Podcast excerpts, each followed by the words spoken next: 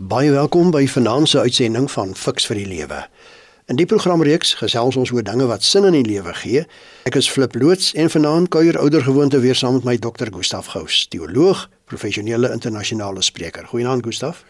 Dit is so lekker om saam te gesels want die twee goed wat belangrik is is 'n huwelik wat 'n mens kan gelukkig maak en as dit nie werk nie maak dit jou baie ongelukkig. So, hoekom 'n huwelik? Hoe werk dit? En as dit regtig verkeerd loop, wat doen mense dan? Nou, dit is maar een van die baie onderwerpe wat ons bespreek in hierdie program en vanaand net soos gebruiklik dan nou vanaf die eerste program begelei dokter Gustaf van ons geen luisteraars rakende 'n probleem waarmee hulle worstel. Hierdie begeleiding geskied dan oor 13 weke en dan word gereeld terugvoer gegee en vanaand gesels Gustaf ook met 'n getroude paartjie oor hulle omstandighede, maar daaroor 'n bietjie later meer. Jy is welkom om die gesprek deel te neem. Jy kan die SMS nommer gebruik 45889. Onthou net SMS se kos R1.50 elk. En jy kan ons ook op Facebook kry op die Fix vir die Lewe bladsy, asook op die DStv audiokanaal 813 of OpenView audiokanaal 615. Dan moet jy onthou dat hierdie program nie aan jou as luisteraar voorskrifte gee van presies hoe om te lewe nie, maar riglyne waarbinne jy self keuses kan maak. Geen stem ook nie noodwendig saam met die opinie van enige persoon wat aan hierdie program deelneem nie. Gustaf, ons het verlede Sondag aan gesels oor hoe dat jy weer nuwe lewe in 'n liefdesverhouding kan blaas. Maar wat nou indien niks wil help nie? Is egskeiding dan die enigste opsie? Die een ding wat niemand wat getroud is sekerlik wens of hoop ooit gebeur nie is wel om te skei. En daar's soveel seer en dikwels selfs moddergooiery dat dit vir niemand 'n aangename ondervinding is nie. Dit lyk al asof daar twee uiterste kante van 'n egskeiding is, 'n vernietigende kant of 'n vriendelike kant. 'n Fiks vir die lewe gesels ons vanaand hieroor. Kom ons skop die bal af, Gustaf. Hoekom trou mense en hoe werk dit? Die eenvoudige beginsel is twee mense vaar beter as een en daarom is dit lekker om in die alleenheid van die lewe 'n maat te hê waarmee jy intimiteit kan deel. Hoe dit werk is dat mense eintlik moet besef 'n verhouding het sekere sleutel suksesfaktore en daai sleutel suksesfaktore as mense dit besef net soos 'n besigheid het jy moet 'n goeie produk hê en goeie bemarkingplanne en goeie kliënte hê. Het 'n huwelik 'n sekere plan en dit is baie eenvoudig. Jy moet weet hoe dat intimiteit funksioneer, daar moet geld wees, kommunikasie is die belangrikste dan moet weet wat is die behoefte oor kinders, jy moet 'n gesamentlike lewenstyl skep, jy moet kan grense stel met mense rondom julle, mense moet rolverdeling doen, mense moet leer om vierkante meter te deel met mense met verskillende persoonlikhede en jy moet jou verlede nie indra in die verhouding nie, jy moet 'n toekomsplan saam skep, jy moet getrou kan wees wat die belangrikste ding is, jy moet 'n geestelike raamwerk deel en jy moet jou liggaam in stand hou. Daar het ek sommer vir jou in 'n baie vinnige sin die kernaspekte van 'n huwelik gegee. Die goue draad wat deur al hierdie aspekte loop is die hele kwessie van verwagtinge. Jy skep 'n verwagting van getrouheid en dan moet jy dit vervul. So jy klaar die verwagtinge uit voor die tyd en dan leef jy jou hele leeftyd om dit vir mekaar waar te maak. Dis baie mooi riglyne Gustaf, maar as dinge nou vasloop, sou jy sê egskeiding is die enigste opsie vir twee mense wie se huwelik koud geraak het? Ek vra altyd vir mense as mense kom en daar probleme gekom, vra ek vir hulle een van drie vrae. Dan sê ek vir hulle, "Wat doen ons nou in hierdie gesprek? Doen ons huweliksberading, doen ons besluitnemingsberading of doen ons egskeidingsberading?" Huweliksberading is mense wil dit laat werk, maar hulle weet net nie hoe nie. Besluitnemingsberading is mense is nou al so kwaad vir mekaar dat hulle nog nie al die inligting het nie. Hulle is nie meer lus vir die ding nie, maar hulle weet nie watter kant toe nie. Egskeidingsberading is mense op die punt is wat hulle finaal besluit het. Sê, "Luister, hierdie ding werk so waar nie en dan moet ons nou net dit in 'n rigting invat. So dit hang alles waar ek mense vind. Die kern is ek staan saam met mense en sê die enigste opsie is nie dat jy sommer net moet skei nie. Die groot probleem is party mense skei te gou en ander mense skei te laat. Party mense wil nie eens werk nie. Hulle dink sommer aan egskeiding en plaas dit hulle net bietjie werk aan die ding. Ek sê altyd vir mense, kom ons veg tot in die laaste loopgraaf vir 'n huwelik, veral as daar kinders by betrokke is. As jy dit weet, dan gaan jy en jy gaan sê, luister, ek wil vir hulp vir gaan vra. Ek wil 'n verhoudingsfasiliteit fasiliteerder gaan raadpleeg of 'n lewensafrigter. Ek wil as daar heelwording nodig is met 'n sielkundige gaan praat. So mense sit baie keer met hierdie misplaaste, kom ons noem dit nou 'n misplaaste gevoel dat hulle in 'n verhouding moet bly terwyl hulle eintlik nie daar moet bly nie. Partykeer is die ding so destruktief dat dit is die opsie. Maar my eerste prys is is dat ek altyd saam met mense sit en sê, al het jy finaal besluit, kan ons nie sit en iets aan hierdie saak beredder nie, want dit is baie moeite om te skei. Jy het interessant genoeg Gustaf wel met 'n paartjie van ons RSG luisteraars gesels wat positief wil werk aan hulle verhouding. Kom ons hoor hoe die gesprek verloop. Willem en Janine, julle is al 'n klompie jare getroud en almal trou met mooi intensies en die hoop van baie jare se geluk saam. Maar dan tref die harde werklikheid 'n mens. Wat is die uitdagings en probleme wat julle getref het?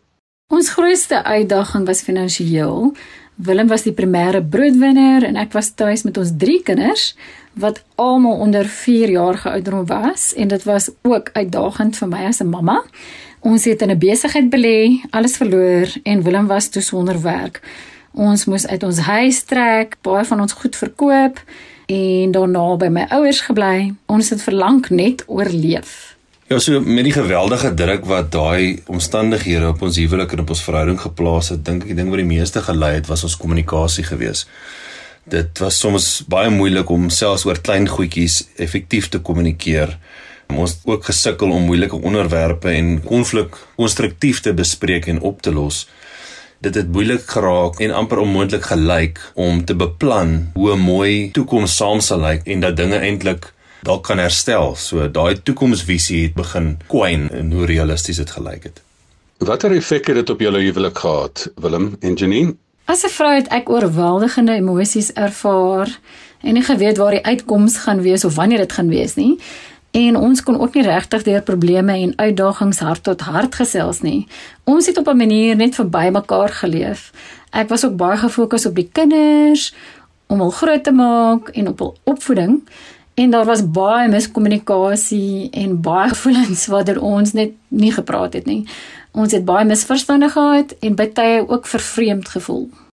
Ja, so van ons uitdagings en probleme was ons het vroeg in ons huwelik het ons finansiëel gesukkel en van dit was besluite wat ons gemaak het en van dit was buite ons beheer gewees, maar ons het basies alles verloor redelik vroeg. Ons het ook vroeg kinders gehad, so ons het op daardie stadium 3 kinders onder die ouderdom van 4 gehad. Ek was die primêre broodwinner, Janine was by die huis met die kinders gewees en die verhoging en verpligtinge wat ons gehad het saam met die verlaging in vermoë om te voorsien, het ontsettend baie druk op ons verhouding gesit. Gegeewe dit, wat is julle behoefte vir die pad vorentoe?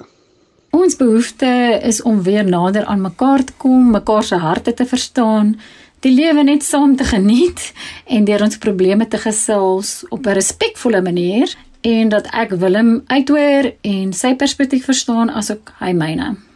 Ek dink ons grootste behoefte is om praktiese gereedskap te kry wat ons sal help om effektiewe konflikresolusie te doen en hoe om prakties effektief en respekvol met mekaar te kommunikeer en ook vir mekaar te luister op 'n manier wat die ander party laat voel dat hulle gehoor word. En dan 'n nog 'n behoefte is om praktiese gereedskap te hê om holistiese lewens- en toekomsbeplanning saam te kan doen. As dit hulle behoefte is, dan gaan ek saamgesels en dat ons sê dat ons veral op twee aspekte van die 13 kritiese suksesfaktore van 'n huwelik gaan fokus. Die belangrike wat ek hier hoor is dat kommunikasie die belangrikste is en kommunikasie interessant genoeg is die immuniteitstelsel van 'n huwelik. Wanneer dit nie in plek is nie, dan vergiftig dit al die res. Jy kan nie oor hierdie ander sake praat nie, maar as ons hier 'n roete kan stap om kommunikasie weer te kry, dan kan jy kommunikasie gebruik om probleme uit die weg te ruim. Dan kan jy kommunikasie gebruik soos 'n besem wat jy die huis skoonvee en die verlede ook bietjie uit die weg ruim. Dan kan 'n mens kommunikasie gebruik om mekaar op te bou want mense praat mekaar baie keer meer af as wat hulle mekaar oppraat en dan kan ons ook kommunikasie gebruik om dag tot dag net 'n verhouding aan mekaar te gom. Ek noem dit die besem, die troffel en die stuurwiel. Die besem vir die probleme uit die troffel bou die huis en die stuurwiel stuur jy om dag vir dag met jou WhatsAppies en dis meer. So dit kan 'n mens oor fokus, maar ook die spesifieke behoefte is is hulle het baie dit raak gevat dat as jy nie gesamentlike doel het nie. Weet jy wanneer is mense in mekaar se hare? As hulle vir mekaar kyk en nêrens heen gaan nie. Maar as mense gesamentlike doel het, dan vergeet 'n mens baie keer van hierdie ou klein klippies in die skoen en jy werk lekker na 'n doel toe. En ek dink hierdie twee behoeftes kan ons lekker mee saam stap en dan terugvoer gee soos dinge aangaan. Dit is RSG met die program Fix vir die Lewe en ons gesels vanaand oor egskeiding, vernietigend of vriendelik. Ek is Flip Loots en my gas is Dr. Gustaf Gous. Gustaf, jy het nou nou gesê dat 'n uh, verhouding kan toksies raak, dit kan destruktief raak. Wanneer sou jy sê is egskeiding die enigste opsie? Dit is baie duidelik. Trou gaan oor trou. Trou gaan nie net oor liefde nie. As daar ontrou is, en ontrou is nie net seksuele ontrouheid nie. Ontrou is ook dat jy nie getrou is aan jou doel om jou maat te bou nie. Dit gaan oor aftakeling. Wat gebeur as jy getroud is met 'n patologiese persoon? So daar's baie redes daarvoor. Dit is wat ek dan sien. As mense dit agterkom, dan sit hulle 'n geloofs, kom ons sê dit verantwoordelikheid op hulle wat eintlik onverantwoordelik is. Ek het mos gesê party mense skei te laat, nie net te gou nie, want hulle het 'n misplaaste moraliteit en dit hou hulle ingebind in 'n situasie waar hulle stadig aan doodgaan in 'n verhouding en wat dan destruktief en dodelik is baie keer vir die kinders. So daar is 'n situasie waar jy moet kom. En is egskeiding sleg? Natuurlik. Wat is die Bybelse taal daar? Dit is nie goed nie. Maar sê nou jy moet kies tussen goed en sleg, dan kies jy mos altyd goed.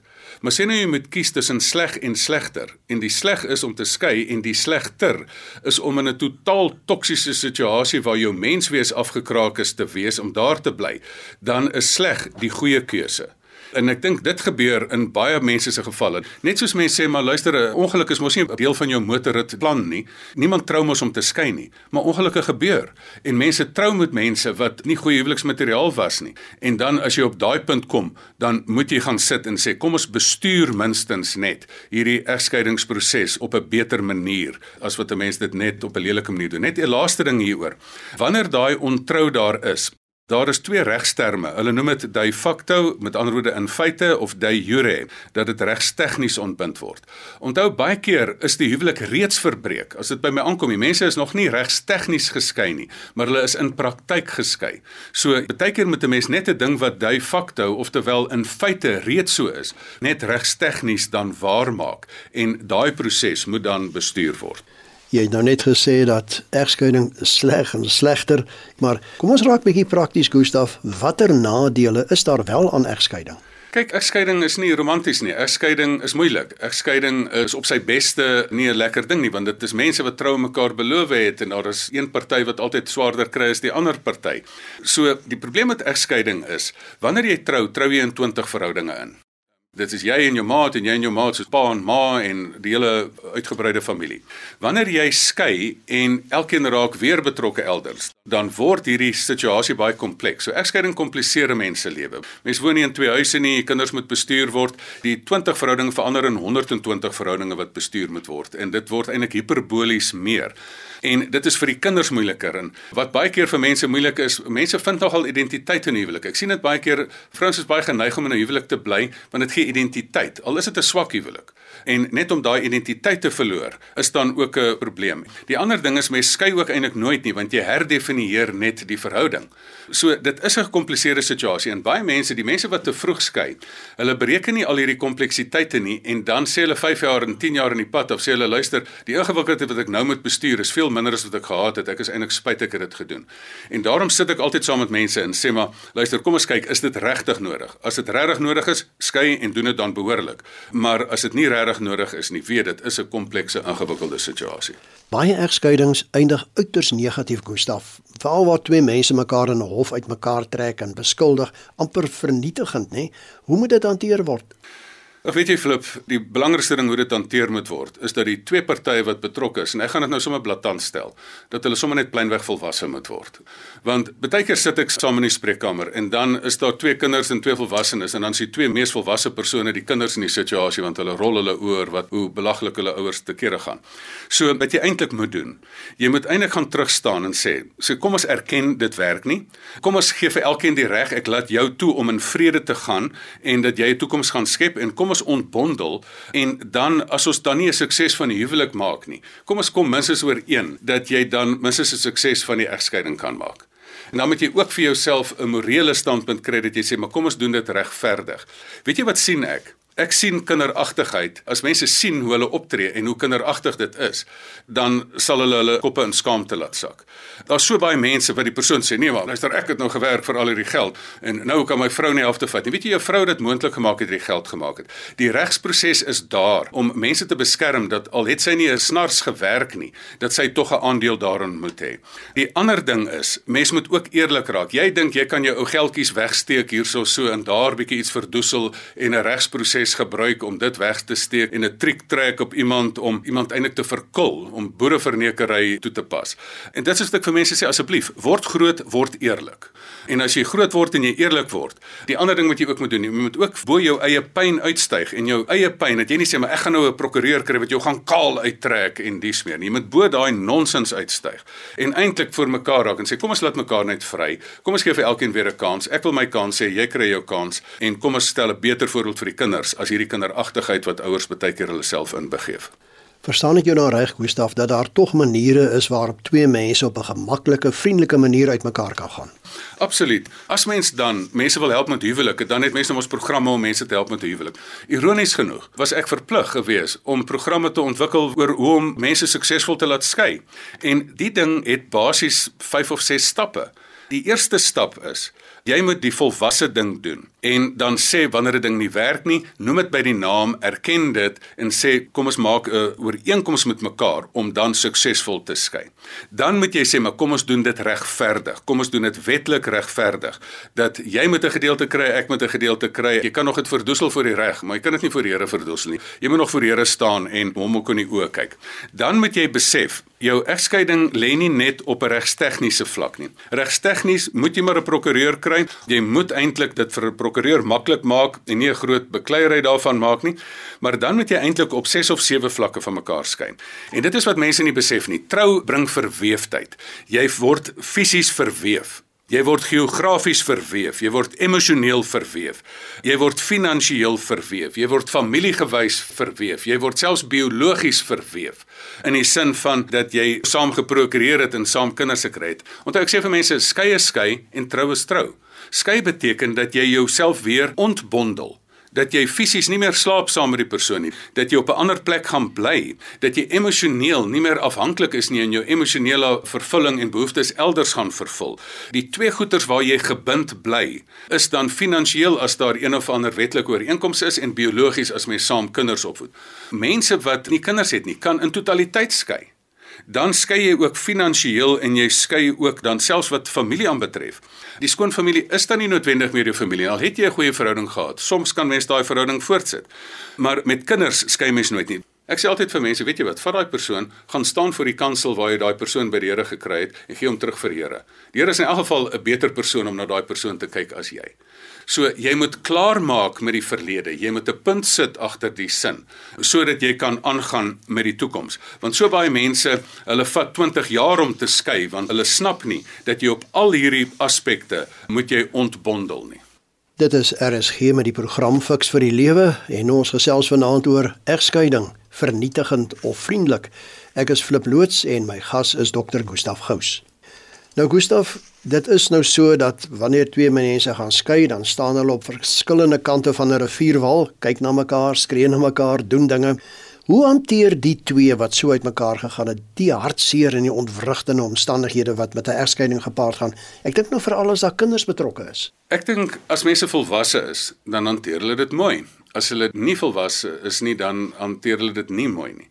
Maar of jy nou volwasse is of nie, dis pynlik. Jy het geweldige diep emosies want onthou jy het jou lewe gegee. Jy het jou totale menswees oopgemaak vir hierdie persoon en dit het nie gewerk nie.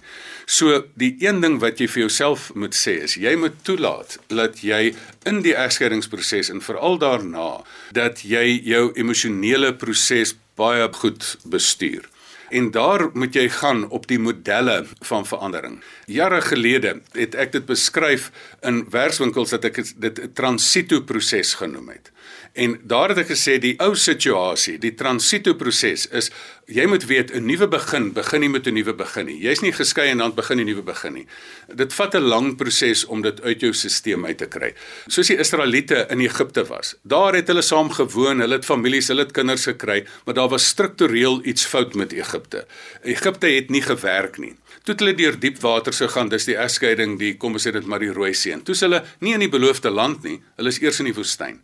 So emosionele oorgang het gewoonlik 'n drieledige proses. In die woestyn het dit doel dat jy die verlede uit jou stelsel uit kan kry en dat jy 'n toekomsprentjie kan ontwikkel.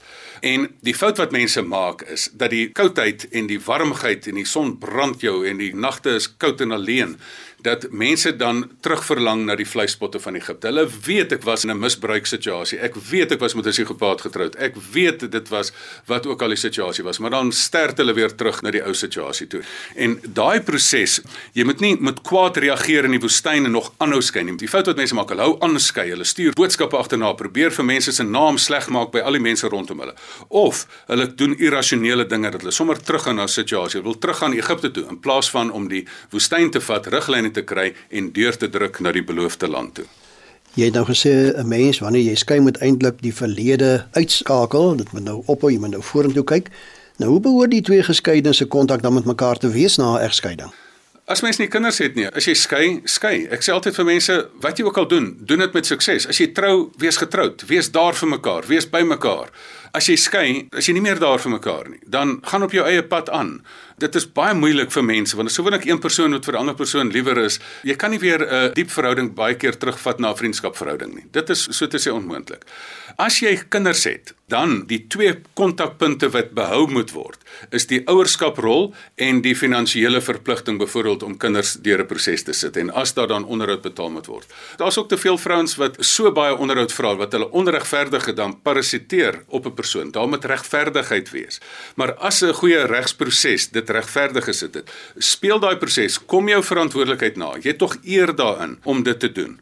So sonder kinders geen kontak, maar met kinders, die twee kontakpunte, finansiëel en ouerskap, bestuur daai proses baie mooi, dan gaan jy vir jou kinders 'n goeie voorbeeld stel en dan gaan jy die hoogste moontlike mate van heelheid skep wat binne 'n gegeewe situasie moontlik is.